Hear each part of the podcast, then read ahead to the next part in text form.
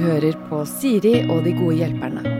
Jeg har altså fått på plass mine to gode hjelpere, som er eh, Hans Morten Hansen, komiker, eh, for mange kjent fra Side om side. Blir eh, plaga av småunger som sier 'Gullestad, Gullestad, få autograf'! Ja, Småunger og fulle mannfolk. Ja, ikke sant? Som er jo to av de tingene du setter mest pris på i verden. Ja. Marte Brattberg, radioprogramleder og kjent fra Kompani Lauritzen, som vel har samme eh, plagsomme, Men de er mer sånn gutter 25. type. For mye dickpics. ja. Får du det? Ja, faktisk. Hender det at du tar vare på noen? Eh, Jeg har tatt vare på én. Eh, Den kan jeg vise deg etterpå, fordi den er så umenneskelig lang. Å ja. Sånn helt, helt umenneskelig. Den går på ekte ned til knærne, så den er fin sånn Hvis samtalen er litt trått på vorspiel eller noe lignende, så går det an å liksom sende den rundt. Så er det alltid mange som har meninger om den, da. Ja, Ja. Da, skal, da skal jeg sende et uh, av meg, bare sånn, for, altså, sånn at du har begge ytterpunktene. Ikke sant? Kan vise den òg. Med at det fins det, det finnes sånne òg. Det finnes så små. Jeg vet ikke om jeg er misunnelig eller ikke på at du får det i innboks. For Jeg har ikke lyst på det, men jeg har på en måte øh, Jeg har lyst til at folk skal ha lyst til å sende det til meg, hvis du skjønner. Men jeg vil ikke ha det. Det er overraskende skremmende. Altså, jeg er ikke redd en penis i virkeligheten. Eh, sånn til vanlig Men når du får den helt sånn uten at du vet det på Snap eksempel, Ja. så skvetter man veldig ofte. Og så er du ofte kanskje på bussen eller noe. Så blir jeg alltid litt sånn redd hvis sidemannen får med seg sånn Oi, driver hun og Ja, da må du få, opp på bussen? du må få sånn eh, skjermcover som jeg har, som gjør at eh, du Nå ser du. Ja, Men Hvis jeg legger det litt på siden, så ser du ingenting. Da blir det helt svart. For jeg ser veldig mye på porno på tog og, på buss. og buss Ja. og sånn. Men du må finne din egen porno, du får det ikke tilsendt av fremmede. Nei, det er mye min egen, Ja. min egen porno, ja. Din egen porno. Så gode, nå koser vi oss. Folk har akkurat stått opp, kanskje. Det, Det kan jo- kanskje, men ja, ok. Rolig, myk, behagelig start. På, Ja. Jeg hadde tenkt å spørre hva dere skal i sommer, ja, men uh, dere har jo allerede lagt uh, tema der, så jeg håper dere skal noe annet i sommer, da. Ja da. Ja. Ja. Som for eksempel. Jeg skal Det blir norgesferie i år. Nei, er det Jo sant? Jeg hadde jo bestilt uh, utlandet, men det la jeg på is. Jeg skal faktisk kjøre herfra til Vadsø, er vel eh, lengst. Ja. Oi. Helt i Øst-Finnmark. Opp gjennom hele landet. Vanlig bil, bobil, camping. Vanlig bil, men ja. jeg og skal bo eh, mye på hotell.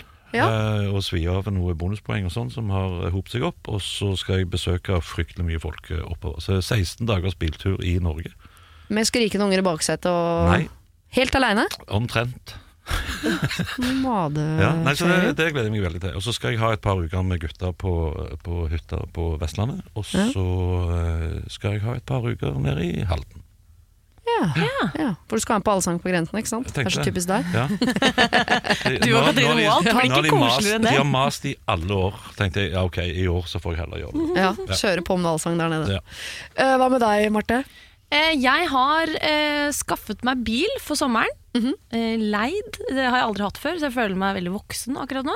Eh, og har planer om å kjøre rundt, men ikke en eksakt plan. Jeg håper å bli bedt på mange hytter langs Sørlandet. Ja. Ja. Så planen min er at folk skal be meg på hytter. ja. Ja. Men det er jo bare å sette seg i bilen, begynne å kjøre og så hele tiden ligge litt i forkant på hvor du liksom er. Ja. Og legge ut noe, sånne små agn, og se om noen biter på. Ja, det, er, det kan bli spennende, det. Men må det være folk du kjenner? Eh, Ja, men jeg har, eh, jeg har sånn halvveisplaner, da. Jeg vet Ok, okay, liksom, ja. ja, ja, Du er ikke helt på måfå? Nei, det er ikke helt på måfå. Skal du innom han med den lange penisen? Har du Mm, vurdert det? Jeg vet ikke hvor han bor, dessverre. Langesund. Langesund. lange, Vadsø. Jeg hørt hvor han bor. Ok, eh, Vi eh, skal nå ta en bunke med problemer. Prøve å hjelpe folk så godt vi kan. Og Første problem dere skal få av meg i dag, er egentlig en ganske sånn en klassiker. Eh, som handler om nettopp det der å skulle si fra om ting som er litt kleint å si fra om. Eh, og her står det. På mitt kontorfellesskap så er det en kollega som alltid lukter svette. Det er svært vanskelig å konsentrere seg om jobben, og lukten er svært intens. Da ingen av de andre tre kollegaene tør å si fra, eh, og jeg syns også det er vanskelig å ta opp. Vi kjenner han sånn passe godt, og det er et eh, problem som er sårt og vanskelig å ta opp. Har dere noe råd til hvordan vi skal ta det opp med denne personen? Dere kan kalle meg Dove. Dove, ja. Ja, Ja. Jeg, jeg tror jeg hadde sagt fra. Rett ut. Ja, jeg tror det. Vet du hva, det kan lønne seg å ta Altså, nå er det mange mennesker i dette fellesskapet her, og, og noen er litt sånn følsomme. Så det kan være greit å ta en dusj av og til, kanskje investere i en deodorant eller et eller annet. Det hadde, vært, det hadde, det hadde vi satt stor pris på. Så har lagt problemet over på kollegaene dine, altså, for det høres ut som du ikke syns det er vanskelig, men på vegne av På kollegaer. vegne av kollegaer. jeg, jeg, jeg hadde gjerne tatt det ansvaret med å si fra til denne personen på vegne av alle i det kontorfellesskapet. Ja. Men Ja. du, du ser ut som typen som ikke syns det er kleint å si fra. Overhodet ikke kleint å si fra. Jeg har faktisk hatt dette problemet. Jeg hadde en uh, sjef en gang. Og det var ikke ikke du som hadde det problemet Nei, ikke som jeg vet om. Ingen har sagt fra, i hvert fall. Nei, nei. Eh, men jeg hadde en sjef en gang som uh, faktisk luktet så svette. Uh, og da husker jeg vi Da var det jo også litt Det er jo også sjefen din, da. Så det også føltes litt sånn Det ubehagelig. upper gamet litt. Ja, og vi hadde en diskusjon, vi ansatte sånn hvem skal gjøre det, noen må gjøre det. Men jeg tror vi endte opp med Jeg slutta før det jeg fikk uh... Du valgte å slutte du istedenfor å ha guts til å gå bort og si Vet du hva, sjef, du lukter svette. Ja, det var, i hvert fall, det var ikke derfor jeg sluttet, da, bare så det jeg har sagt. Men eh, jeg, jeg vet ikke om vi turte å si fra, nei. Nei. Nei. Hadde du turt å si fra hvis det var sjefen din, eh, Hans Morten? Ja, ja. Men hvorfor syns du ikke det? For- Fordi, men du anerkjenner at mennesker der ute syns dette er vanskelig å si fra om? Selvfølgelig. Men, jeg, men jeg, altså jeg, jeg har ei sånn greie oppi hodet mitt med at hvis noen hadde kommet til meg og sagt for eksempel, vet du hva, jeg syns du lukter litt svette, så hadde jeg, satt, jeg hadde på en måte satt pris på det. Ja. For det er ikke noe du egentlig Altså, jeg, jeg hater Altså, jeg Hvordan skal jeg si dette her? Eh, jeg jeg syns det er veldig greit å slippe å bruke tid og krefter på å finne ut hvor jeg har folk henne. Og jeg vil heller ikke at de skal bruke mye ressurser på å finne ut hvor de har meg henne. Så jeg, jeg er veldig for det der med å spille med helt åpne greiekort. for Ja, ja. Da, da vet vi hvor vi er henne i landskapet. Sant? Ja. Og, og det gjelder sånne ting òg. Det kan, Jeg skjønner at det er behagelig, men det kan være ubehagelig også. Jeg har møtt en, en uh, i bransjen en gang som kom bort til meg og sa sånn hei, presenterte seg med fullt navn og sa sånn Deg liker jeg ikke. Oi, Ja, det er så- veldig frekt. Ja, det tenkte sånn, Nå har du jo plassert det skapet veldig tydelig for oss begge to tidlig i denne relasjonen. Jeg syns det var først og fremst ubehagelig. Ja, jo da, men, men, men da visste du at ok, da trenger ikke jeg bruke mye krefter på å imponere idioten heller. Altså, du, du, kan ta, du kan ta den holdningen til det òg. Ok, men da, da vet vi hvor vi er i forhold til hverandre. Da er det greit. Ja. Så, for jeg, jeg har vært veldig på Jo eldre jeg blir, jo verre blir jeg på det òg. Men jeg, jeg velger vekk alle sånne tidstyver, altså sorte hull-mennesker som bare suger livsgnisten rett ut av meg. hvis du skjønner. Altså, Ja, ja. Jeg orker ikke bruke krefter på det engang. Da, da bare indikerer jeg at vet du hva, jeg aksepterer at du er her og du puster og, og at du er i live og alt mulig sånn, men jeg trenger ikke være tre uker i en campingvogn med deg, kjenner jeg. Nei, men dette er jo en kollega så de, øh, med mindre jobber i en campingvogn, som trenger ikke det gjelder de, men må være på samme arbeidsplass. Ja. Og han lukter vondt. Ja. Du ville sagt fra, men folk flest vil ikke det. Ikke du heller, Marte. Jeg føler at eh, de ansatte, de, disse tre, var det ikke det? Mm. De bør snakke om hvem av de tre som på en måte har best relasjon til sjefen. Ja. Eh, Det er ikke sjefen. Nei, Bare, det var, den ansatte. Ja. Det, var, det var min egen historie. Ja. Men hvem av de tre som kanskje har best kontakt med den personen? Og så Ja. synes jeg det, det da, En må bare ta ansvar. De må på en måte bli enige om sånn Ok, du, dere to har best kontakt. Eh, du passer til å si det. For det er jo noe med at eh, Ja, noen passer liksom passer som du, da. Passer jo Jeg bedre passer til til å si ja. komme med møkkabeskjed. Ja, Ja. ja. Jo, men så er det noe med hvem vil man ha. Hvis jeg skulle fått en sånn beskjed, så, er det jo, øh, så ville jeg jo hatt den fra et menneske som jeg uh, følte meg sånn fortrolig med. Og jeg tror ikke jeg ville hatt den beskjeden så direkte som du sa, Hans Morten. Som var sånn Vi på arbeidsplassen. For sånn, har dere hatt møte om dette? Altså, jeg, jeg, ville ha opp, jeg tror jeg ville lagt det fram som om dette er noe jeg, jeg alene nå kom på for fem minutter Ja. siden, og jeg sa fra med en gang. Så ikke jeg fikk den sånn har det vært en gjeng nå som i årets åres, ukes eller månedsvis har gått rundt og snakka om hvor dritt, og så har du endelig nå turt å komme bort og si fra? ja. Si sånn, du forresten, luk, du lukter litt svett i dag, eh, faktisk. I dag? Ja, Du- ja, ja, ja. men Da kan du si det på en litt sånn positiv måte. Ja. Liksom, du har sikkert vært ute og trent i morges, du, og så var det noe galt med dusjen. og sånn, For det, det henger en sånn liten svettings-aura her nå. Ja. Og Jeg tror det er en bra løsning. ja. Ja. jeg er jo gammel nok til å huske en såpe som het Sterilan. Ja. Jeg vet ikke om noen har, om det ringer i bjeller hos noen. det Sterilan, jo, men Ja, fins sånn- ikke den ennå? Det kan godt være, men han Ja. er ikke mye i bruk. Det er helst eh, folk fra min generasjon og Ja. Jeg vil lure på om mannen min bruker sånn så han har både sjampo og kroppsvask igjen. Svart flaske. Ja, men dette var såpestykker, da, som var sånn oh, ja, nei, det grønne og hvitstripete. Ikke sant? Ja. Ok, greit. Men de, hadde, de hadde en reklame uh, som var sånn Som het uh, i ukeblader og sånn, da. Snakker svart-hvitt og gamle aviser. Med alltid plass til den som bruker Sterilan. Med at Hvis du brukte Steriland, så var du liksom på en måte akseptert overalt. Da var det plass i en trang sofa til én en person Ja, til som ikke lukta guffe. Ja. Ja, så jeg tror clouet her vil være å få fatt i noe masse gamle ukeblader, klippe ut Stellan-annonser, og på en måte bare diskré eh, legge de, og så si liksom hvis du begynner å bruke Steriland, så kan du få spise lunsj med oss. Ja. Og du ikke må sitte ute på balkongen og gjøre det. Ja, eller begynne nå. Det er jo julebord om ca. åtte måneder. Hvis du skal være med! Ja, så, så må du ha den, liksom. Men, men eh, bare sånn liten sidehistorie her. Jeg har en eh, kompis i Stavanger som har en eh, far som var finnmarking. Ja. Som jobbet i gamle Bråten Safe, flyselskapet der, på kontor der. Ja. og er mye gamle referanser her. Ja, ja, men han, han, han maula tørrfisk. Han, det var jo Digg. snacks for han. Ja. Og alle på kontoret tenkte er det mulig? Altså, Finn noe som ikke lukter så kraftig. da. Ja. Så når han uh, slutta i firmaet, så hadde han tok en tørrfisk og teipet under pulten til alle de andre på kontoret. og så var han tilbake liksom et år etter han hadde slutta og skulle besøke de, og de sa vet du hva, den der jævla lukta etter deg henger, henger her ennå. Men da hadde han liksom limt tørrfisk overalt. Så jeg tenkte kanskje det går an å kjøpe en, et godt knippe med Wunderbaum og henge på leselampen til han duden på kontoret. Og sånn diskré lite hint om at her må vi få Ja, den er litt sånn som når mutter'n ga uh, kvisekrem til jul til en venninne av meg. Som er sånn ja, Jeg skjønner intensjonen, men det er ikke noe Fordi man skjønner ja. Da vil jeg heller ha en tydelig Da vil jeg heller ha at Hans Morten kommer bort og sier 'du lukter svette, du må begynne å dusje'. Ja. Faktisk. Enn Ja. den derre snike Wunderbaum inn fra sida. ja.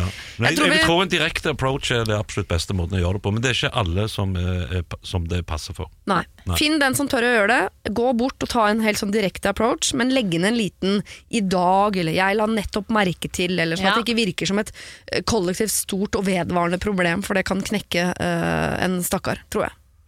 Vi skal over til avstandskjærlighet. Vet ikke om noen av dere har, erfarer det om dagen, eller har erfart det. Men jeg tror det blir mye av det etter hvert. Vi har fått mye mail i innboksen om dette. Fordi vi nærmer oss sommerferie, og det er på andre siden av sommerferien så er det mange som flytter fra eh, hver sin skole. Noen skal studere, noen skal? Det, er, det, det er mye avstandsforhold in spe, hvis vi går an å si det. Hei, kjære dere. Dere kan kalle meg Nora. Jeg har vært sammen med min Kevin i snart fem år. Vi ble sammen da vi var veldig unge, begge var så vidt fylt 16, men vi er nå i 20-åra, og veldig mye har forandret seg fra da vi først ble kjent. Vi har selvfølgelig hatt våre oppturer og nedturer, men vi har holdt sammen. Så til problemet. Kevin skal flytte for å studere. Jeg er student i byen vi bor nå, noe som vil si at vi står overfor tre, muligens fem år i avstandsforhold.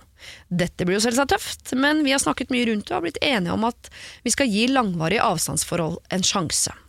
En del av meg føler likevel at forholdet plutselig har fått en utløpsdato. Klarer heller ikke å slippe tanken på at vi ble sammen så unge. Kevin har vært min første alt. Jeg har aldri opplevd å være singel i ungdomsårene. Aldri opplevd å ligge rundt eller date og bli kjent med andre. Hva hvis ting viser seg å ikke funke? Har det i det hele tatt sjans til å funke? Går jeg glipp av masse? Klarer jeg heller ikke å riste fra meg tanken på at den usikkerheten jeg føler allerede nå er et tegn på at ting ikke kommer til å fungere. Hva skal til for at et forhold kan overleve potensielt fem år med avstand? Håper dere kan eh, hjelpe meg. Eh, Hun sier det jo selv her at eh, det er jo tanker som allerede nå har dukket opp før han har dratt. Ja, og når, er den, jo- ta- når den, de tankene først får satt seg ja. så, Men her må det jo òg sies at uh, han skal, altså de, skal, de, er, de, de, de skal jo ikke i fengsel. Nei? noen av de i fem år. Det er ikke sånn at du ikke kan besøke hverandre. og Der er jo ferier og der er alt mulig. Og vi lever jo i en alder hvor dette med sosial eh, kontakt på andre flater, ref eh, alle disse bildene du får eh, og sånn. Så det er jo teknologiske muligheter til å ha daglig kontakt ansikt til ansikt og sånn, selv om du ikke da er i fysisk Så jeg, jeg tror dette er Ja, Jeg føler å- også at det er en gyllen mulighet her til å teste å være fra hverandre, for å eventuelt finne tilbake til hverandre hvis det lar seg gjøre. Ja. Hun tenker jo tydeligvis på at hun aldri har vært singel før, eh, og gjerne skulle eh, datet andre. Hadde jo vært litt, jeg tror det er litt viktig, ja, for å kanskje også finne ut om om hun vil ha Kevin eller ikke. Ja. Det er jo ganske typisk at ungdomskjærester går fra hverandre idet de begynner å, å studere, fordi den eh, avstand Det er ikke egentlig avstanden som gjør det, det er på en måte bare en katalysator for alle de følelsene og tankene man har hatt i mange år, men ikke turt å kjenne på. Nettopp at kanskje man skulle ha eh, levd livet litt annerledes før man liksom slo seg helt til ro. ja. Ja, det, det- er jo vanskelig å liksom erkjenne når man er forelsket, men det, det ligger jo der, det. Det lille behovet for å teste livet. Ja, det, det ville vært mitt råd. Overrasker meg ikke heller. Er? Nei, test, teste litt Ja. er jo veldig sunt òg, tror jeg. da Fordi hvis de klarer jeg tror, jeg tror det er veldig vanskelig å ha avstandsforhold. Jeg har hatt det eh, ikke så lenge, åtte måneder eller noe sånt. Men det gikk veldig bra, for da hadde jeg en da skulle jeg bare være borte åtte måneder. Så det gikk jo veldig fint. Du har liksom en slags sånn Det er ikke så lenge. Men her snakker vi fem år. ja. Ja, men jeg, jeg, jeg, ja, men jeg, kan ikke, jeg kan ikke se for meg at dette er fem år. Altså han, Til høsten så reiser han til en annen by for å studere. Hva faen skal han i juleferien? da? Skal han sitte i den byen, eller hva skal hun? Altså, Det er et par måneder, kanskje. Og Hvis ikke det tåler det, så er det ikke liv laga. Da er det ikke meant to be. Nei, jeg mener også uh, at kjærligheten skal tåle den avstanden i tid og, uh, og rom. Men samtidig, når man er så ung, så skal du sitte i månedsvis og bare eh, vente, lengte, føle, tenke. Fordi du skal møte den i jula. Jeg, bare, jeg syns at det virker som en såpass stor bremsekloss på livet. Det som jeg er ekstremt opptatt av generell ligging, det er ikke det, men jeg bare Hadde jeg vært så ung, så hadde det føltes litt for sånn hemmende på, å, på all den tiden man var fra hverandre. Jeg er helt enig. Ja. Jeg, jeg, tenker Ja, jeg- jeg, Forholdet eh, kan ha godt av det òg, ja. Så får du liksom sånn, ok, så dater du litt, og så eh, tenker du som fader, jeg vil bare ha Kevin. Jeg. Nå har jeg møtt Morten og jeg har møtt, møtt Jens og kanskje en kar inni der, hvem vet. Men, ja, men så, Hvis Kevin har samme holdningen til det hele, da, at Ja. han, eh, at for, på et, hvis han skal på et universitet og det er masse studentkroer og tull Så eh, han har jo en gyllen mulighet, han òg, til Ja, å svi av. Yes. Eh, og, og, og treffe masse folk. Og så når de da kommer sammen, så må det må jo være litt kleint. Og, og hvis de skal være helt åpne på dette med jo da, jeg har jo vært litt på Jeg har et vennepar uh, som uh, var uh, sammen hvor han Han er fem år eldre, så han hadde levd litt før de ble sammen. Og uh, han var hennes første alt. Mm. Så drar hun til Kjøben for å studere, og da ble de enige om sånn Ok, nå må du leve litt. Og han levde, han òg, da. Ja, ja. Ja, okay. eh, og så gikk det da et halvt år, og hvor de var sånn Da ble de enige om å ikke snakke om noen ting som hadde skjedd. Ja. Ja. Ja, hvis man kan ha det i seg, så er jo ikke det så dumt. Jeg, tror, jeg er det hadde ikke jeg klart. Jeg, det hadde ikke nei, klart det. jeg. Er ikke skrudd sammen sånn. Altså. Nei, ikke jeg Det- heller. Nei. For, for da, må du, da hadde du alltid gått med den der gnagende greia Mm. med Ja, I og med at vi ikke snakker om dette, så har vi, så har vi jo altså, Og det sier begge to. Har nok sikkert vært ute og svingt seg litt. Grann. ja det vil jeg tro. Men jeg tenker Ja. de fortjener det òg, hvis de er så unge. Ja. Nei. Men samtidig er det Jeg syns jo ikke de skal bli enige nå om sånn Ok, vi, eh, vi gidder ikke å prøve engang. Det syns jeg ikke. Jeg Nei. tenker at Man skal prøve. Man flytter til hver sin by, og så tenker man, og man prøver, og at dette her skal vi få til. Men jeg tror jeg kanskje jeg ville hatt minimalt med sånn Jeg ville ikke hatt en daglig sånn øh, snakking og skyping og alle de tingene, for da er han på en måte der, men samtidig ikke. Det hadde vært verre for meg. Jeg hadde tenkt sånn, nå tar vi to måneder. Og så ser vi hvordan det er. Og Hvis det eneste vi tenker på er hverandre og vi lengter tilbake og jula kan ikke komme fort nok, så er jo det veldig veldig deilig erfaring å gjøre seg. Hvis det er sånn tre kvarter etter at du gikk ut døra her, så har jeg øh, logga meg på Tinder. Det er klart at det er en pekepinn i andre retningen. ja. ja. Det viktigste er kanskje å kjenne på eh, og snakke sammen da, hva de begge vil. Hvis de vil eh, prøve på dette, så er det kjempebra, og da bør de jo gjøre det. Eh, men eh, det er jo også kanskje bra realistiske ja, Jeg syns det er realistisk å tenke at det kan bli vanskelig, da. Ja, ja, det Eh, er og vanskelig. at, det er jo eh, ingen tvil om det. Og at eh, Ja, ja nei, det, jeg, ah, det er vanskelig. Ja, jeg må rett og slett erklære meg inhabil i dette spørsmålet. her For det, jeg har ikke For det første så har jeg ikke forutsetninger for å vite hvordan eh, 21 år gamle forelska mennesker forholder seg til hverandre. Nei, jeg tror øh, Den fysiske, fysiske kontakten er en stor del av det, så når den forsvinner, så ja. Ja, det er jo der jeg er nå, Ja. da. Sant? Eh, og så, eh, ja. Eh, men jeg tenker sånn kort oppsummert at det som skjer ut forbi kommunegrensen, det forblir ut forbi kommunegrensen. Nei! Jo, hvis, hvis begge har det i seg og gir hverandre den uh, lille pustepausen, så gjør for all del det. Jeg har ikke helt trua på det. Jeg hadde ikke klart det. Jeg tror ikke det er så mange som klarer Nei, det. det er veldig, veldig spesielt. Ja, Men- det er veldig spesielt. Men hvis, det, er- hvis de blir enige om det, så kan det også kanskje være sunt, da. Ja. ja. Jeg syns det er veldig fint at de velger å dra hvert til sitt. At ikke det er sånn nei, vi blir i den lille bygda her, vi dropper utdannelsen, vi satser på kjærligheten. Så jeg synes det er fint at de, måte, at de hopper i det og, og, og, og gjør det de skal. Og så må man tenke at vi, dette skal vi få til. Eh, og så får man se. Og så får man bare oppdatere hverandre kontinuerlig på sånn Nå syns jeg det er litt vanskelig. Nå savner jeg deg. Nå merker jeg at jeg ikke savner deg så mye. Jeg tror man skal ha ganske sånn åpen dialog på det Man må være raus med hverandre. Og så tenker jeg sånn, Hvis de vil holde sammen, så klarer du det alltid. For da, liksom, Hvis hun er i Oslo og han i Bergen, for eksempel, da, så Ja. kan det hende at han kan droppe et par forelesninger, og så er han en uke ekstra i Oslo. Altså Det fins ja, alltid det er muligheter. 45 Ja. minutter mellom Ja. Oslo og sant? Altså, Ja, det står det er fem timer tog mellom de, så Oslo-Bergen er ikke helt usaklig. Ah, ikke sant? Det er kanskje litt før Bergen, går av litt grann før Bergen. Ja. Mm. Voss eller noe. Ja, Voss, for eksempel. Ja. ja. Finse. Kanskje han skal døre på Finse i fem år. Hallo! det går ikke. Dere, Vi skal ta et problem som er eh, kortere, men mye større. Ja. Hei dere, jeg er en mann i slutten av 20-årene som har funnet meg en dame som er en del år eldre enn meg. Hun har unger fra før, eh, hvor to av dem er over myndighetsalder. Problemet mitt er at jeg ikke vet hvordan jeg skal forholde meg til dem. En av hennes sønner har hatt noen forskjellige stefedre før, og jeg er redd for å ta en rolle han ikke ønsker at jeg skal ta. Hvordan skal jeg gå frem? Kallenavn kan du finne på sjøl! Så han er på en måte på alder med hennes eldste barn. Her har jeg et hav av egne erfaringer. Ja, gøy! Når jeg Ja. var 21 år, så traff jeg en uh, dame som hadde seks barn fra, fra ett tidligere ekteskap med samme mann. Uh, den yngste var ett, og eldstegutten var 14. Det var syv år mellom oss da. Så var det nærmere han i alder enn henne, egentlig. antagelig da. Ja, Ja. faktisk så var jeg det. Uh, og vi var sammen lenge, jeg tror det var i hvert fall nesten ei uke. Og uh, nei, det var over fem år, faktisk. Oi! Eh, hun jobbet òg periodevis i Nordsjøen, så jeg var jo alene med dette helvete her òg. For en gavepakke for henne å finne deg, som Ja, det. sant? Ja. En ettåring også? Ja, ja. Og to, to astmaallergikere og ei med krupp i tillegg. Eh, så det var langt mellom stille øyeblikk, for å si det sånn. da Ja.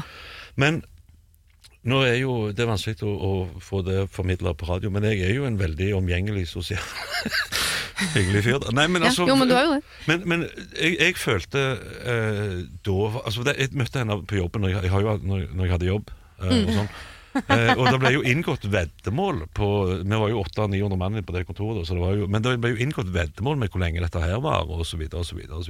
Ja. Men jeg kjente da var det følelsene mine som styrte det forholdet.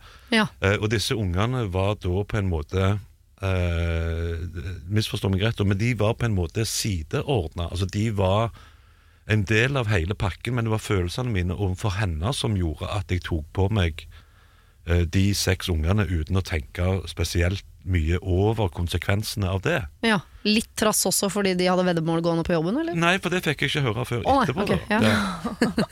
Og jeg vant jo den store potten på dette, for jeg visste jo at det kom til å vare lenge. Vi var jo sammen i år, eller bodde sammen i over fem år.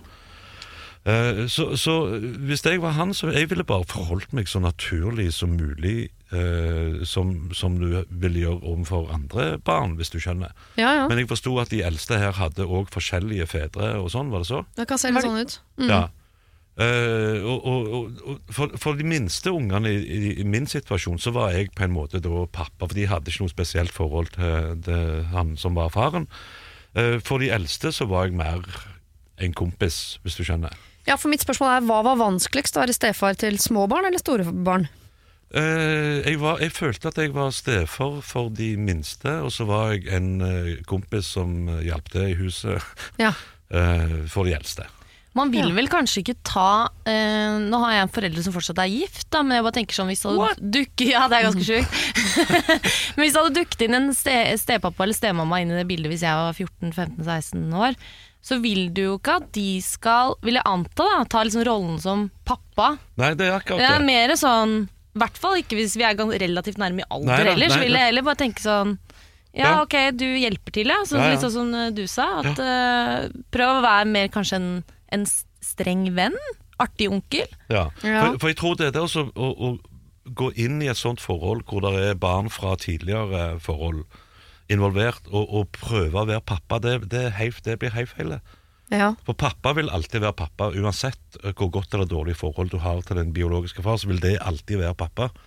Mens her kommer det inn en annen fyr som uh, er kjæresten til mamma, og eh, ok, la oss forholde oss til han som det, da, og ikke liksom tro at han er pappa, for det kommer han aldri til å bli. Hvis du skjønner, sånn Ja, ja. psykologisk sett. ja. Jo, men det er ganske ryddig det å tenke bare Jeg er først og fremst kjæresten hennes, Ja. og så har hun barn, og så må man jo bare kjenne seg fram litt sånn Har de noen behov som jeg kan dekke? Har han behov for en, en kompis eller Ja. en rar onkel, eller hva Ja. har han behov for? Og nesten, ja, dette vet jeg ikke, men kan man nesten spørre om det? Ikke sånn med en gang, men etter hvert. Kan man Ja. jo ja, gå i dialog på hva slags forhold skal vi ha, syns du? Ja, hvis du er, hvis du er sånn noenlunde oppegående, som, eh, så, så senser du det etter en stund òg. Ja. Og Det spørs jo hvor mye tid han egentlig tilbringer med de ungene. La oss si men Hvis han flytter inn i huset, og de ungene er i huset osv., osv., osv., og så, videre, så, senser du jo hva, de, hva som er interessene til disse ungene, hva behov som du sier de har, Mm. og så videre, og så. Og så får du være den som kan bidra til å dekke det behovet de har. Ja. Sånn så I min situasjon så hadde jo de minste, bl.a. blant annet hun som var ett og hun som var et par år eldre, de hadde jo på en måte behov for en slags farsfigur, Ja. hvis du skjønner. Ja, ja. Eh, og, og de eldste hadde behov for en som kunne sette seg ned og spille litt på Commodore 64, for det var jo den tida. Jeg var jo Ja, ja. 21 år, som sagt. Det var jo rett etter ja, tysker. Tyskerne hadde vel akkurat Ja. seg ut. Um, så, så det var jo litt andre, mer sånne basale behov den gang, da. Men, Mm. men at du, du var det, liksom. sant? Men det eh, vil jeg tippe ikke er helt ulikt i dag, bare det er Xbox og ikke Commodore 64. Ja, det, mm. altså, teknologien er oppgradert, men, men, men følelsesaspektene og behovene er jo i veldig stor grad de samme, enten det var den gang eller nå, liksom. Men Her er det jo kjøpt uh, Ja. Nei, jeg bare tenker, for Her er det jo ganske jevngamle, så det er jo eh, naturlig å tenke at det blir mer en kompisrelasjon. De, er, de trenger nok ikke en ny far. Nei, det gjør de ikke. Men hvordan kompis? Fordi der kan man jo trå litt feil. Da. Fordi Hvis du prøver å overkompensere og være litt sånn veldig kul kompis, så plutselig er det han fyren som bare sånn Klart jeg kan kjøre inn til Oslo og kjøpe hasj! Altså, Ja, ja, du? ja, ja. Du skal jo ikke bli han heller. Ja. Så, men skal du bli moralens vokter som øh, hvis øh, et av disse barna er litt sånn utnyttet sånn, Kan ikke du kjøpe masse øl til meg, ja? eller noe smuglesprit, eller hva du får hendene dine i? Nei, det kan du ikke gjøre. Det kan du ikke gjøre. Det du, du men skal du da Nei. si sånn Nei, jeg syns ikke du skal drikke alkohol, gutt. Nei. Nei? Nei, Hvor skal man legge seg? Fordi alkohol kommer de til å drikke uansett. Ja. Men uh, du sier bare 'jeg kjøper ikke øl til deg', med mindre moren syns det er greit, da. Ja. Tenker jeg. Eh, Ja, Hvis hun syns det er greit, greit, så er det noe Da er det Ja. noe Jo, men de er over 18, da. ja, hvis de, over 18, ja, Da okay, kjøper de, kjøper de jo øl sjøl, da er det faen Men problemet. være, være en som eh, Hva er det man trenger av foreldre i den alderen? da? Du, du henter på toget etter fylla og Ja, ja. eh, tar telefonen når de ringer. Ja. Jeg, bare, jeg vil bare gjøre deg liksom, eh, forberede deg på at de kan finne på å utnytte det eh, kompisforholdet. Ja. Jeg husker sånn, eh, Mamma ble sammen med en fyr en gang, som, eh, og da var jeg ganske voksen. Um, og det, den situasjonen utnytta jeg til sånn sånn åh, lurer på om jeg skal begynne å jogge. Jeg skulle hatt joggesko, vet du. Fikk jeg penger til joggesko. Ikke sant? Sånn type, fordi han, han var veldig opptatt av for å please min mor, så var han jo opptatt av en kul relasjon til meg. Og da lot jeg som om den kule relasjonen var veldig lett å oppnå via lommeboka. Ja. Så det, eh, jeg bare, du kan bli utnytta, jeg bare nevner det. Ja, ja, selvfølgelig kan du bli utnytta, men da må du ha ryggrad nok til å, å si fra at vet du hva, nå tror jeg du prøver å utnytte meg. Ja. Igjen, da. Sant? Altså, du bare sier det. At eh, Jo, men litt sånn tilbake til venn her, da. Ja. Jeg tenker jo sånn Hvis jeg, har vel, eh, hvis jeg, jeg, jeg har lyst til å være vennen din, Siri. Ja, da må jeg få joggesko. da. Men ikke sant? Jeg driver jo ikke og kjøper joggesko til deg for at du skal like meg som venn. Nei. For da skjønner jeg at øh, her eh, Da Det burde du gjort. Jeg må gjøre noe annet. Du kan ikke kjøpe vennene dine heller. Nei. Så tenk som en venn, ja. Ja. du, du var litt inne på det, Marte, med dette med, med streng, en streng venn. Ja.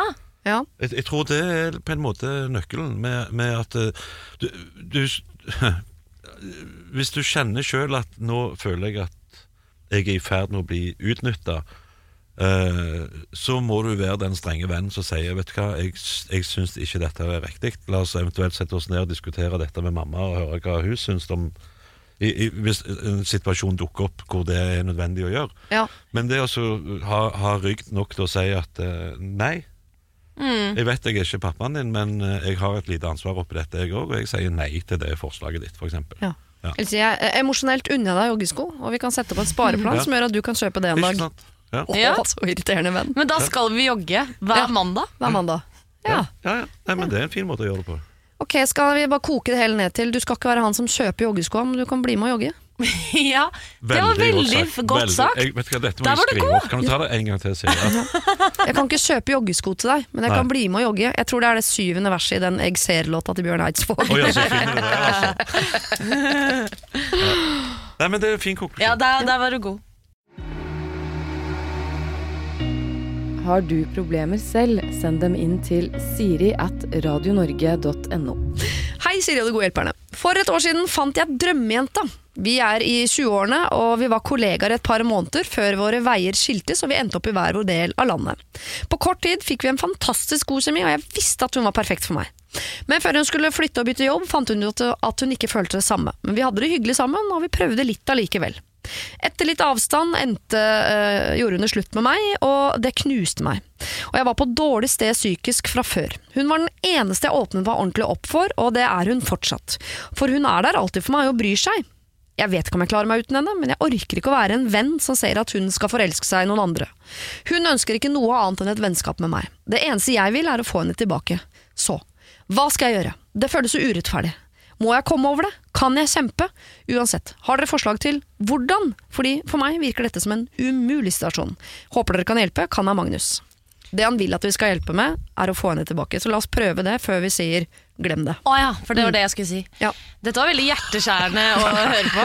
Eh, men ja, ok. Ja, da har, har han gått all in og sagt at han vil ha henne tilbake, og at de skal prøve igjen? Det er mitt inntrykk, ja. Det høres sånn ut. Hun har oh, eh, gjort det på en måte slutt med han to ganger. Flyttet. Vil være hans venn. Ah, det er jo det verste! Du kan ikke være venn med en du er forelsket i. Nei, det går ikke. Sånn er det bare. Kan Å ja. Det, har Men- du livs, her livserfaring? Har du noe der? jeg har jo Har du noe der? Brei og internasjonal erfaring med, på området. Nei, men av og til så er det Det kan være greit å bare cut your losses og innse at dette var ikke den personen jeg skulle dele resten av livet med, men heller da verdsette det vennskapet som de åpenbart har. Ja. Uh, og være raus nok til at hvis hun finner en annen, så er det helt greit, så lenge du er min fremdeles venn. Selv om Ja. jeg skjønner at han har jo gått all in på dette greiene her. Men klarer han det, da? Klarer er det ikke det? han sier at han ikke klarer? Jeg, jo, men jeg, jeg hadde klart det. Ja? ja. Ja? Ja, Det er kanskje en øvelse, for jeg tenker hvis dette er det eneste mennesket han kan åpne seg helt for, så er det jo dumt å, å, å kaste henne over båten òg. Ja, kutte det vennskapet, ja. Ja. ja det er jo veldig trist. Altså, jeg, ville, jeg, jeg, ville holdt, jeg ville holdt på det. Mm. Men han, han kan jo heller umulig vite at det er ingen andre i verden jeg kan åpne meg opp for, for han har ikke møtt alle andre i hele Jo, verden. men det kommer han til å finne. Magnus, det kommer du til å finne ja, i klart du gjør det. Og Men- sånn sett kan det hende at han låser seg litt for mye i en situasjon hvis han tenker at det er henne og bare henne, så går han blind Ja. for alle de andre han kunne ha åpnet seg opp for. Så sånn sett så taler du jo mot å holde kontakt i det Ja, hele tatt. ja, ja. Men veldig viktig info til alle som hører på. Det finnes ikke bare én rett person. Nei. Sånn er det bare. Det finnes mange i Ja. enhver havn. Ja. For noen finnes ikke så mange, men det finnes alltids noen. Det, kom, det fins flere der ute. Ja. Og- og Og du blir forelsket igjen. Jeg skulle til å si det. De Ja. fleste av oss har vel da tenkt i forbindelse med et eller annet brudd eller et eller annet uh, at eh, åh, jeg kommer aldri til å finne noen uh, ever igjen, liksom, og dette var alt for meg. Og det, det, det går over. Det går veldig over. Ja. Og så finner du da noen som allikevel viser det seg. Men, Men, også men det gjelder jo å finne det mennesket på rette premisser. At ikke det, sant? Altså, du, ja. Ja, for jeg tenker også Magnus, som han sier han var på et litt sånn ø, vanskelig psykisk sted i livet når han traff henne. Så jeg kan tenke sånn, jeg tror ikke du skal Du skal være litt forsiktig med å opphøye henne til en slags sånn gud og frelser. Det kan nok hende at hun var der på riktig tidspunkt i Ja. livet ditt når du trengte det. Ja. Det er ikke sikkert hun er kvinnen i ditt liv allikevel. Nei. Det. Hun kan være vennen i ditt liv, Ja. som Hans Morten sier. Ja. Men en venn av meg sa en gang sånn ehm, Fordi han, eh, var, han, han gifte seg med barndomskjæresten. Tabbe. Og så, og så ble de skilt ganske tidlig. Ja, da har. Og så var jeg liksom der, jeg snakket med ham bare sånn hva, Syns ikke det er litt kjipt liksom, å være så ung og skilt? Og han bare sånn Nei, vi hadde en helt fantastisk kjærlighetshistorie. Jeg ville ikke gjort noen ting annerledes. Og nå skal jeg begynne på nytt og finne en ny kjærlighetshistorie. Altså, og så syns jeg det var så fint hvordan han liksom bare sånn Og det kan jo kanskje Magnus tenke her, da. Ja. At uh, vi hadde en veldig bra ting på dette tidspunktet, men han må videre, og det fins andre bra ting fremover. Ja da, ja, men det er jo det jeg sier. Altså, du, alle de da, som da mener at det fins ingen andre i hele verden for meg enn denne personen, det, det, det vet du ikke. Nei. Det er jo litt sånn tilbake til Dirty Dancing. Så den filmen og tenkte sånn Jeg kommer aldri til å se en så god film igjen. Nå har vi pika livet fullstendig. Jeg trenger ikke å se flere filmer. Så går det noen år, og så finner man en ny favorittfilm. ny ja. Ja. Og så har man et varmt sted i hjertet sitt for Dirty Dancing allikevel. Ja, så er den alltid der. Den vil alltid være der.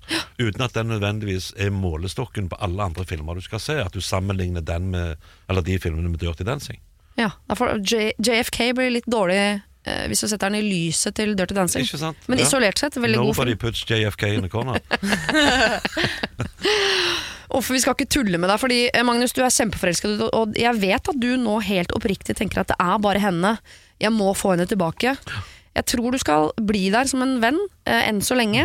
Og hvis hun treffer noen andre, og det blir for hardt for deg, så må du på en måte skru av Dirty Dancing og se om du finner en annen eh, film i hylla som du kan eh, sette pris på i mellomtiden. Og så kommer du til å bli forelsket igjen. Garantert. Ja, 100%. 100%. 100. Det er en av de få tingene som er 100 sikkert her i verden. Der backer jeg deg 100% Magnus. Det er noen flere som vil si 100% nå før vi går videre. 100 Ok. 110. Jeg er 20 år og gikk uh, i fjor på folkeskole. Da jeg var ferdig i mai, så kjøpte jeg en hund. Foreldrene mine syntes det var fint, og ble med meg for å hente henne. Dette året har jeg bodd hjemme for å spare penger. Problemet uh, er at jeg nå kunne tenke meg å flytte ut, men foreldrene mine har blitt for glad i hunden. De behandler hunden min som et barnebarn. De kjøper ting til henne hele tiden. Faren min kjøpte nylig en kurv til henne for 900 kroner. De kjøper godbiter til henne hver dag. eh, Seler, alt. Da jeg sa at jeg ville flytte ut, ble moren min sint og, øh, og sa at eh, hun omtrent ville betale meg for å fortsette å bo hjemme pga. hunden. Dette har gjort det veldig vanskelig for meg. Da jeg var på visning i en leilighet, ble de så lei seg at jeg nå er usikker på hva jeg skal gjøre. Jeg kan jo ikke bo hjemme for bestandig. Hjelp. Burde jeg bare gi dem hunden? Jeg aner ikke hva jeg skal gjøre, men det er veldig tydelig at hun gir foreldrene mine mye glede. Samtidig så gir hun jo meg mye glede.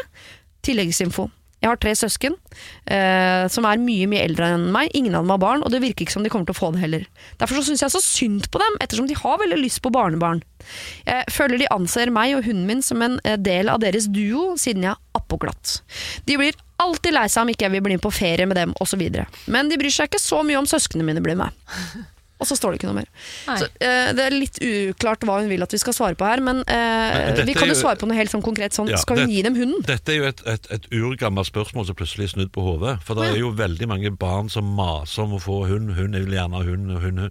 Og så vet de jo at Foreldrene vet jo at de kommer til å ende opp med ansvaret for den bikkja uansett. Og Mm. de må gå tur med den, og de må mate den, og de må liksom plukke opp dritten etter den.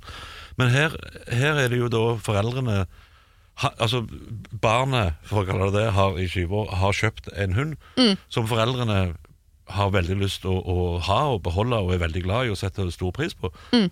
La de få bikkja, da. Hva er problemet? Nei. Jo. Nei, Jo. men det er jo hennes bikkje.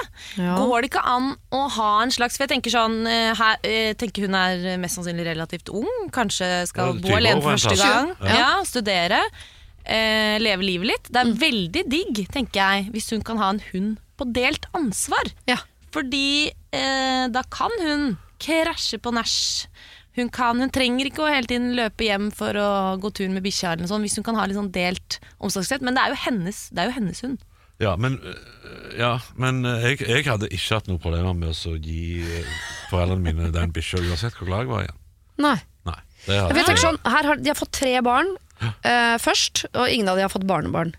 Og så tror jeg dette er da en mor og far som er så glad i å ha uh, litt sånn liv og kjærlighet i huset, så de får et barn til, som er da uh, innsender her. Og så blir jo hun søren Hun også blir jo stor! Det er jo helt krise for mor og far. Og så får hun en liten hund som er deres første barnebarn. Som ikke blir større, den hunden. Ja. Så det er klart at de har fått sitt første barnebarn. Det er, jeg tror det er helt sånn psykisk helt forferdelig for de å tenke på at Og nå skal du ta med deg det videre. Og så tror jeg også innsendere må huske at nå har du hatt hund et år hvor du har bodd hjemme og hatt hjelp med den hunden 24 timer i døgnet. Du har kunnet komme og gå som du vil. Så skal du plutselig flytte ut, 21 år gammel, bo på hybel. Og så er det sånn Nei, jeg må hjem, jeg, for jeg må lufte bikkje. Ja, nettopp! Det er best for alle at den hunden bare blir. Ja, Mener du det? Ja, ja, ja. Og så kan hun heller låne den en uke her og der. Hun, hun, hvis hun skal vekk og studere, hun må, skal jo hjem til jul. Altså, Ja. Hun skal jo hjem i ferier og kan da være med den bikkja. Og det er ikke alle steder hvis hun skal leie en hybel eller en leilighet et eller annet sted hvor hun skal studere, så er det ikke alle plasser det er lov med kjæledyr heller. Nei. Eh, Og folk er jo blitt så jævlig sosialt fintfølende nå og allergiske mot Gud hjelpe meg alt mulig, at mest sannsynlig er ikke det lov. Bikkja trives åpenbart hos foreldrene. De har ingen problemer med å ha ansvar for den bikkja. Keep it. Jeg tenkte, For deg er det bare en hund, for dem er det det første og antageligvis eneste barnebarnet. Men Ja. tror du ikke det er litt som hennes barn? Nei, Tror dere ikke det? Nei. det er en hund! Det er, er det bare Ja, folk uten har unger og ikke bikkjer som sier. Ja, Ja, ja, ja. Hund og, og barn. Ja. Det er en forskjell. Det er en forskjell. Den ja. er veldig liten, men det er en forskjell. Men, mer pels men ofte hvis på jeg kan, jeg kan være enig med dere hvis Jeg ser at det knuser mamma og pappa Ja, det at jeg jeg tar med hunden. Da hadde jeg lagt den igjen, fordi det eh, ville jeg ikke gjort. Nei, nei, så da, da, og, Da og legger dette, vi igjen hunden, da. Dette skriver jo hun veldig tydelig, at hun ser at altså, Mm. når, de, når, de, når de blir veldig lei seg, for hun er på visning på en leilighet Mm. eh, sant? Og For da forsvinner bikkja ut av huset. Da er det klart, de, åpenbart er de, de er jo mer knytta til bikkja enn til henne. ungen. Da må Ja, du bare det. innse det. At, Jo, men- eh, De er jo smarte smarte for- folk. De skjønner at hun, hun kommer ikke til å bli her for bestandig. Hun skal Nei. jo ut og leve livet sitt. Den Ja. hunden må ikke det. Nei, den kan være her. Ja. Men hun går jo glipp av en veldig uh, fin anledning til å fortsette å bo hjemme og få lønn for det, da. For det har jo mor foreslått her. Men du må ut av redet hvis du er 21 år. De, du må slutte å bo hjemme. Ja. Sånn er det bare. Ja. Slutt med det. Slutt med det. Du flytter, bikkja blir, men du kan jo låne den og passe den og sånn. Men du kan ikke fra, eh, ta fra foreldrene dine. For det som skjer da, hvis du tar med deg hunden, at de får enda en appåklatt. Det orker vi ikke. At de skal få enda en unge nå. De er sikkert 70 år Ja, gamle. du kan jo si det, altså, hun, er, hun er 20, og Ja. du får Nei. Og hun har storesøsken som er 20 år eldre enn seg. Ikke Ja, nei da, da, da er det Guinness rekordbokmateriale, det der. Da. De kommer i hvert fall til å prøve, så kos deg litt med tanke på at de kommer til å, å hekke som kaniner hvis du tar med deg den hunden ut nå. Ikke utsett dere for det greiene Nei. der. Nei. Hunden blir. Hunden blir. Vi skal over til et eh, vanskelig, betent eh, problem. Jeg tipper at eh, Hans Morten Hansen her har eh, noe erfaring også her på dette. Ok. Eller begynner med 'jeg er en dame på 45', det har du ikke erfaring med. Jo, det, jo, det, Det har du vært. Okay. Nei, jeg har ikke vært det, men Nei, jeg har, jeg har truffet mange som har vært det. Ja. Ja. Jeg er en dame på 45 som har blitt fridd til for første gang, og jeg er så glad! Jeg var sammen med en mann i mange år som ikke vil gifte seg, og eh, jeg var sikker på at dette er noe jeg aldri kommer til å oppleve. Men min nye kjæreste han fridde etter bare åtte måneder, han, og vi klinker til og gifter oss i september. Dette har jeg drømt om siden jeg var barn, og jeg skal prøve å ikke bli helt ko-ko. Men jeg merker jo allerede at jeg bruker 98% av hjernekapasiteten min på kjoler, kaker, pynt, taler. Men så er det et problem, og det er stort. Min ene datter nekter å være med. Hun er 17 år og var den som tok bruddet mellom meg og hennes far tyngst. Bruddet var ikke gjensidig, og hun har tatt hans side. Ikke at vi krangler, men han var og er nok fortsatt lei seg. Bruddet var ryddig nok, men det var ikke ønsket fra hans side. Men hva gjør jeg nå, da? Jeg vil jo ha henne med i bryllupet mitt, så skal jeg vente? Mine to andre barn og hans ene sier at de gleder seg. Hilsen Marianne. Ja, Hans Ja, Morten. nå, nå er det sånn kollektivt sukk. Ja. Det var sånn, hmm, ja, den var skinkig, den, Siri. Den, den var litt sånn Ja. spesiell. Ja.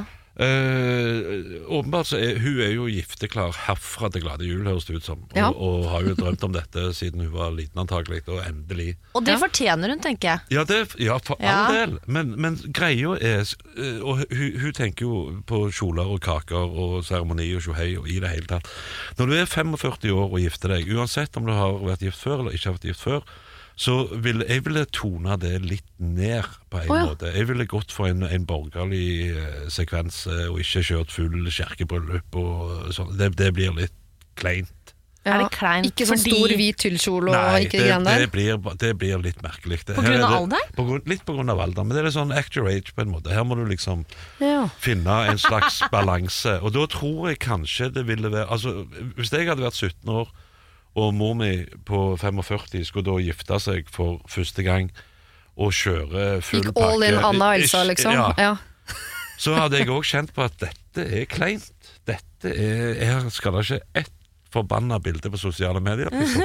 Men hadde du kjørt en litt sånn nedtona prosess på det hele, ja. så hadde jeg følt at det var litt sånn uh, greier. Altså, uh, Altså kjører vi stakk og fyrstekake, er vi der, liksom? Ja. Ja. Men hva om mor har drømt om dette Elsa og Anna-bryllupet, som du så fint kalte det, Ja. Uh, hele livet? Fortjener hun ikke å få det selv om hun er 45? Jo da, men uh, reis til utlandet og gjør det. Ja, da Ja. er det greit. Ja, da er det greit. Uten barna. Ja. Ja. Men jeg tror ikke det er akkurat liksom, eh, kjolen og kaka som er problemet. Denne 17-åringen her syns jo det er vanskelig i det hele tatt at mor skal eh, feire kjærligheten med en mann når hun ser eh, faren sitter i andre enden av sofaen og gråter. Jo, og, Hun vil ikke være med å feire den kjærligheten. Nei, og, nei, men det, derfor mener jeg hvis du toner ned den feiringen Ja. At du ikke kjører Elsa og, og Anna, var det? Ja. er det Frost Ikke lat som ikke du har sett den. Jeg har ikke sett tonen, da. Men jeg har sett den. Meget god. Ja.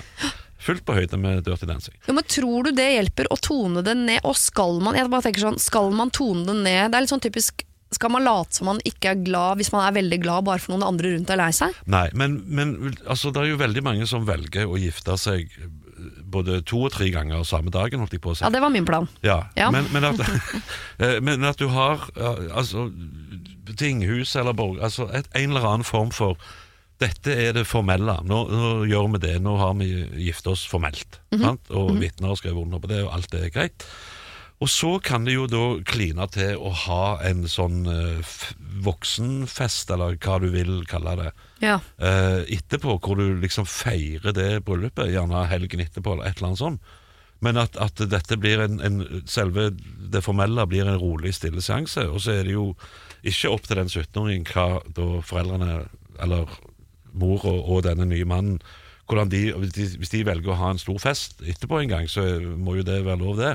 Ja, Hvis 17-åringen ikke vil være med på den rolig formelle eh, seremonien heller, da Ja, skal man Da er det verre.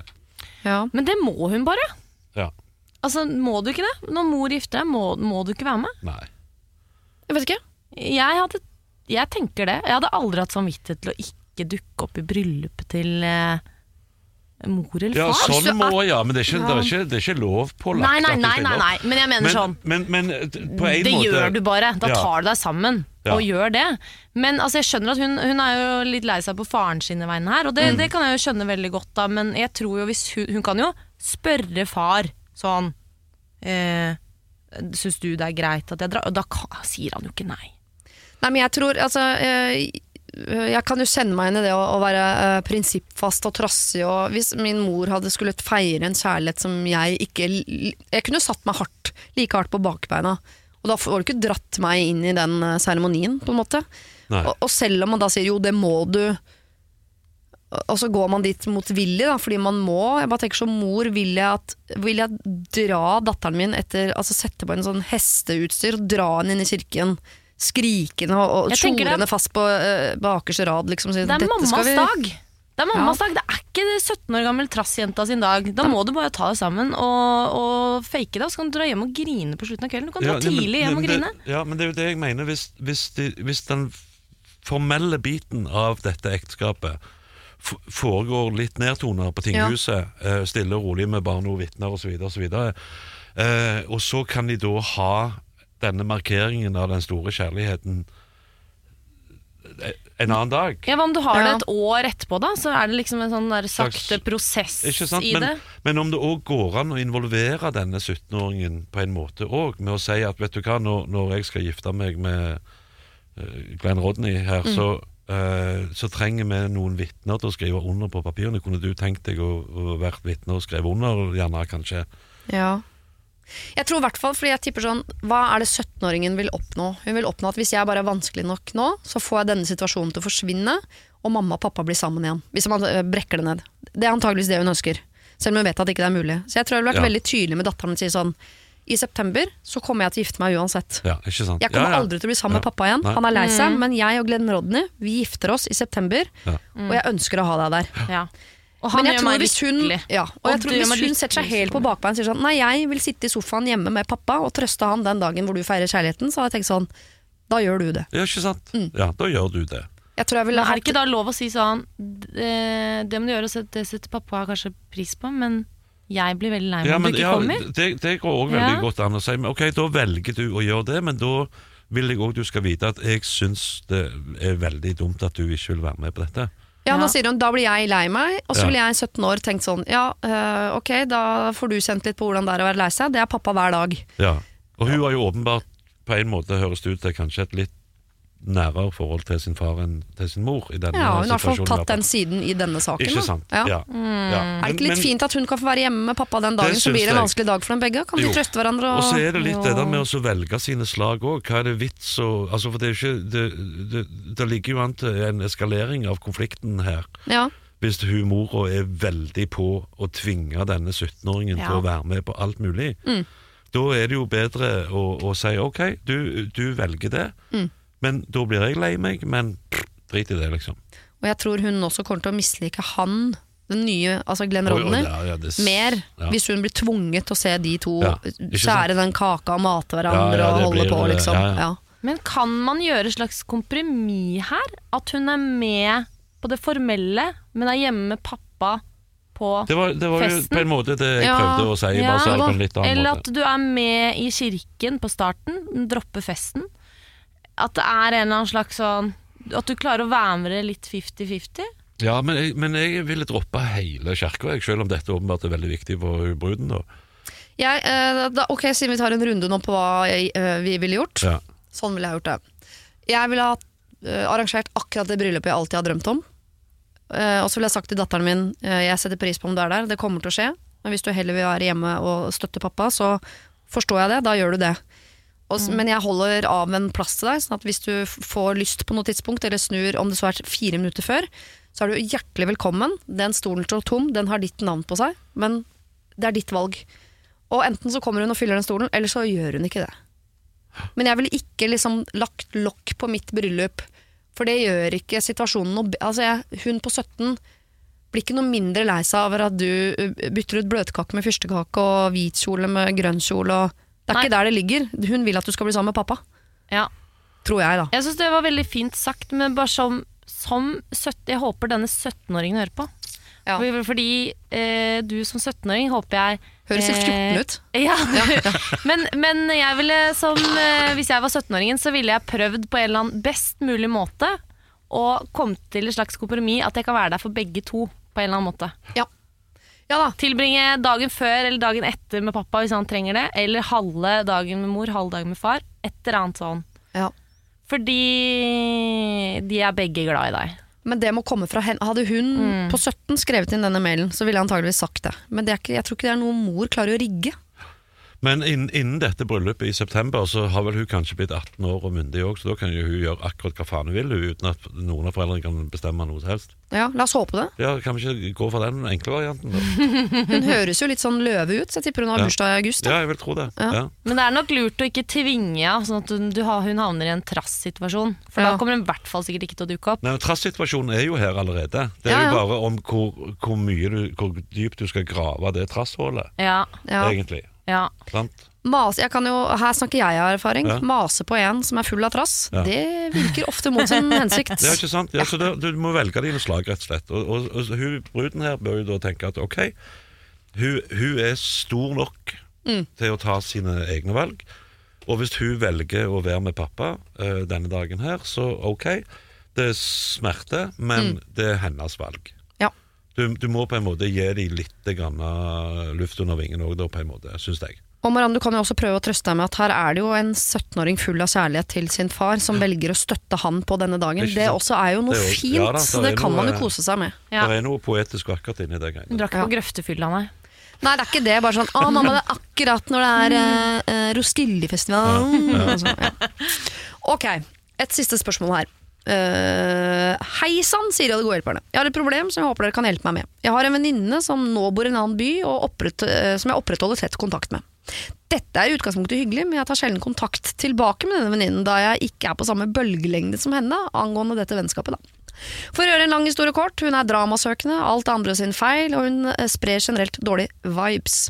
Samboeren min er heller ikke noen stor fan av henne, da hun har en humpete fortid med en av hans kompiser. Jeg syns likevel hun kan være hyggelig å være sammen med i små doser, men ikke mer enn det. Jeg har syntes det har vært en befrielse at hun har flyttet et annet sted, så jeg slipper å ha så mye kontakt med henne annet enn gjennom sosiale medier. Problemet er bare at hun ofte vil komme på besøk. En helg her, en helg der, og noen ganger også kanskje fem dager av gangen. Denne gangen har jeg svart ja til at hun kan være hos meg og samboeren min en hel uke før hun flytter til noen andre. Hun skal jobbe i byen jeg bor i denne sommeren og trenger en plass å bo, før hun kan flytte inn der hun skal være resten av sommeren. Det skal sies at jeg og samboeren bor i en stor leilighet med gjesterom, men det betyr ikke at jeg ønsker at hun skal renne inn døra her flere ganger i halvåret.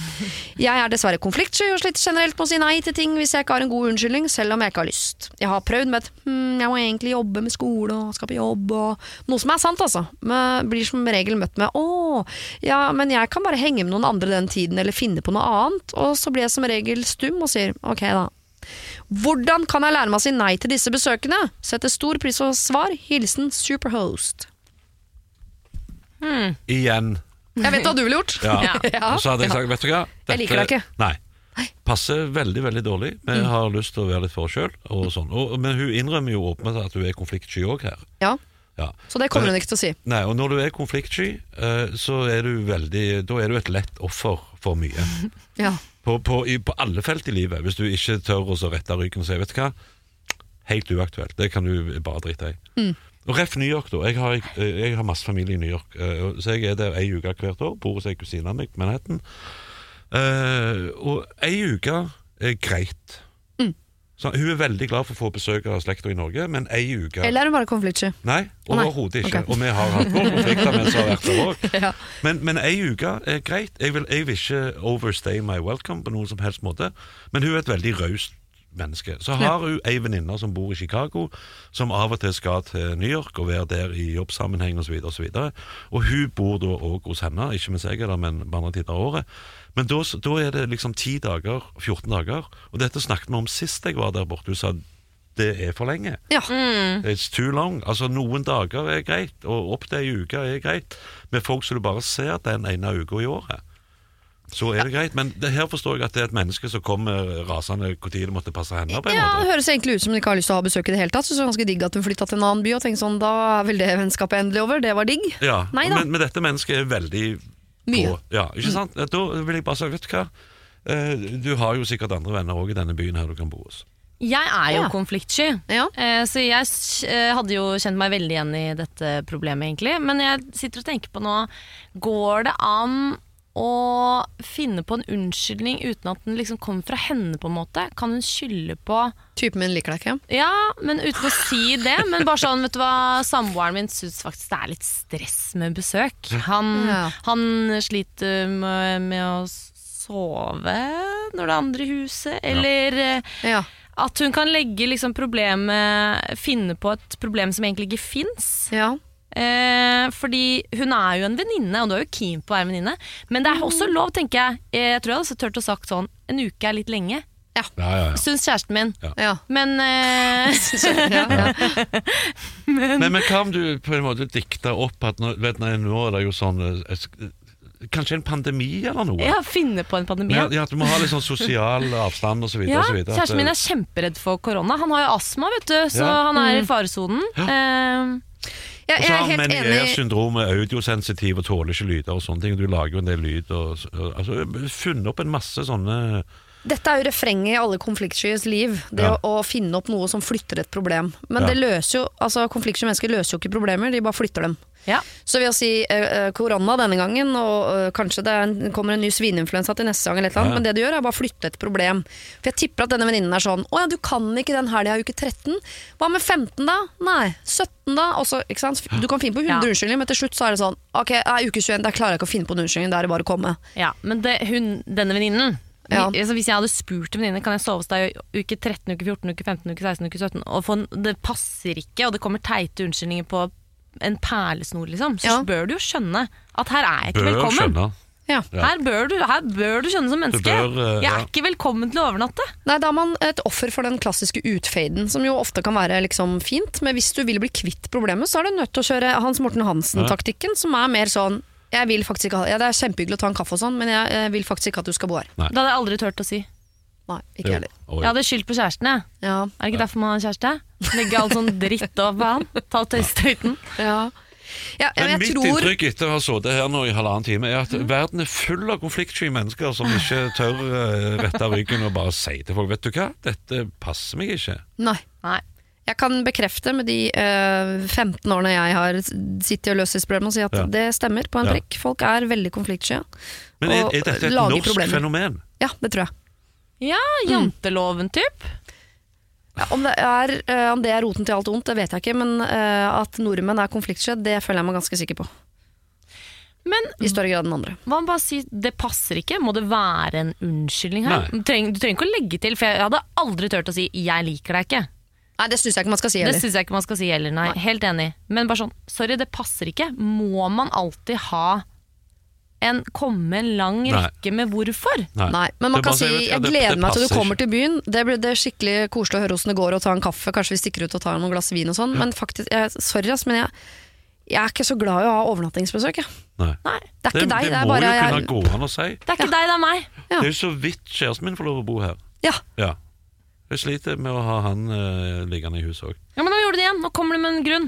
Må man alltid komme med en grunn? Nei. Nei, kan man Men bare si hvis du trenger passer en ikke? grunn, så er det jo Ja. greit også å bruke Fordi det. jeg tenker Hadde jeg spurt deg da, Hans Morten, kan jeg sove hos deg, så sier Ja, du det kan du. Og så Anytime. sier du nei! Så sier ikke jeg Men hvorfor ikke? Vennligst forklar hvorfor. Du gjør jo ikke det. Du bare Nei. ok, det passer ikke. Nei. Nei, men det, det passer, det. faktisk. Jo, men du er kvitt det på lengre sikt. Hvis du sier sånn jeg, eh, Sorry, jeg, jeg har blitt gammel hos her. Jeg. jeg er ikke så glad i overnatting. Så slipper du at hun spør neste gang. Ja, Ja. Men den er fin. Ja, ja. Message taken, Jeg har liksom. blitt gammel og sær. Jeg har blitt sær, jeg vet ikke hva som har skjedd. Jeg, jeg, jeg, jeg sliter. Jeg, det er Jeg får høye skuldre av å ha Men- overnattingsbesøk. Ja, men, men, men det, der, det er veldig veldig riktig det du sier der med at, at må der må det nødvendigvis komme en forklaring. Ja, for jeg gjør det hele tiden, Ja, og det er stresser meg sjæl. For Ja. jeg er sånn 'Å nei, jeg glemte å ringe deg i går', da. Så istedenfor å liksom tekste 'Jeg glemte å ringe deg og ringer deg i morgen', passer ikke i dag, så kom jeg med sånn 'Jeg glemte å ringe deg i går, fordi jeg er så utrolig Jeg måtte jobbe dobbelt, vet du, Ja, ja, og tror sant. Ja, ikke at jeg ja. mista bussen, og så gikk jeg tom for strøm, og så kom jeg med en sånn liste som bare er totalt unødvendig. Ja. Men er den sann, den lista, når den kommer?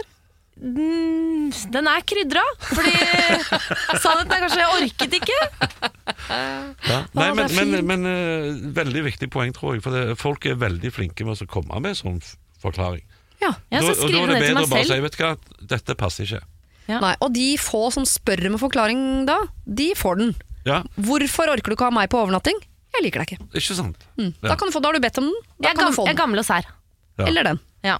Eller du kan si det, Er du sikker på at du vil vite hvorfor? Ja, eller det. Og hvis de insisterer, ja, jeg er helt sikker på det. Vet du hva, jeg, jeg tåler ikke trynet på deg. Ferdig. Jeg i er det merkelig at vi har vært, vært, venner i tolv år òg, på en måte. Jo, men si, jeg og han astmabefengte fyren jeg bor med, vi har begynt på noe høylytt virksomhet som ikke du har lyst til å være vitne til. Og nei, vi klarer ikke å stoppe. Selv Nei. ikke når vi har besøk. Så Nei. det er bare å holde seg unna. Ja. Og det er ofte på salongbordet. Veldig ofte på salongbordet. Ja. Ok, dere. Jeg syns uh, det har kommet mye godt ut av dette. Jeg syns vi har gitt gode råd. Uh, skjønt at alle har eh, Vi er glad i Dirty Dancing. Det sitter jeg igjen med. Eh, Hans Ja. Morten, du har eh, masse livserfaring. Ja. Du er veldig direkte. Ja. Marte, mer konfliktsky. Men jeg Men du er smart nok til å komme deg ut av, av problemsituasjoner du har. Det ser jeg på deg. Men jeg tror vi kunne hatt veldig godt Hvis du kommer på overnatting til meg, så tror jeg at det kunne gagne oss begge. Ja, du tror det? Ja. Jeg blir vi med hvis Siri blir med. Vi kunne delt på, på Ja, nå høres det ut som han insinuerer noe grovt, men vi skal bare se Dirty Dancing sammen. Å, så koselig. Yes. Men den, eh, den eh, Uke ikke, 14, ikke, 21 og 28 kan jeg ikke. ikke offisiell eh, Dirty Dancing, Nei, den du har lagd. den som jeg er med i. Jeg har ikke lagd den. Var, Men den veldig korte tissen din, dette blir rart for folk som skrur på radio nå. Du må ha hørt fra starten.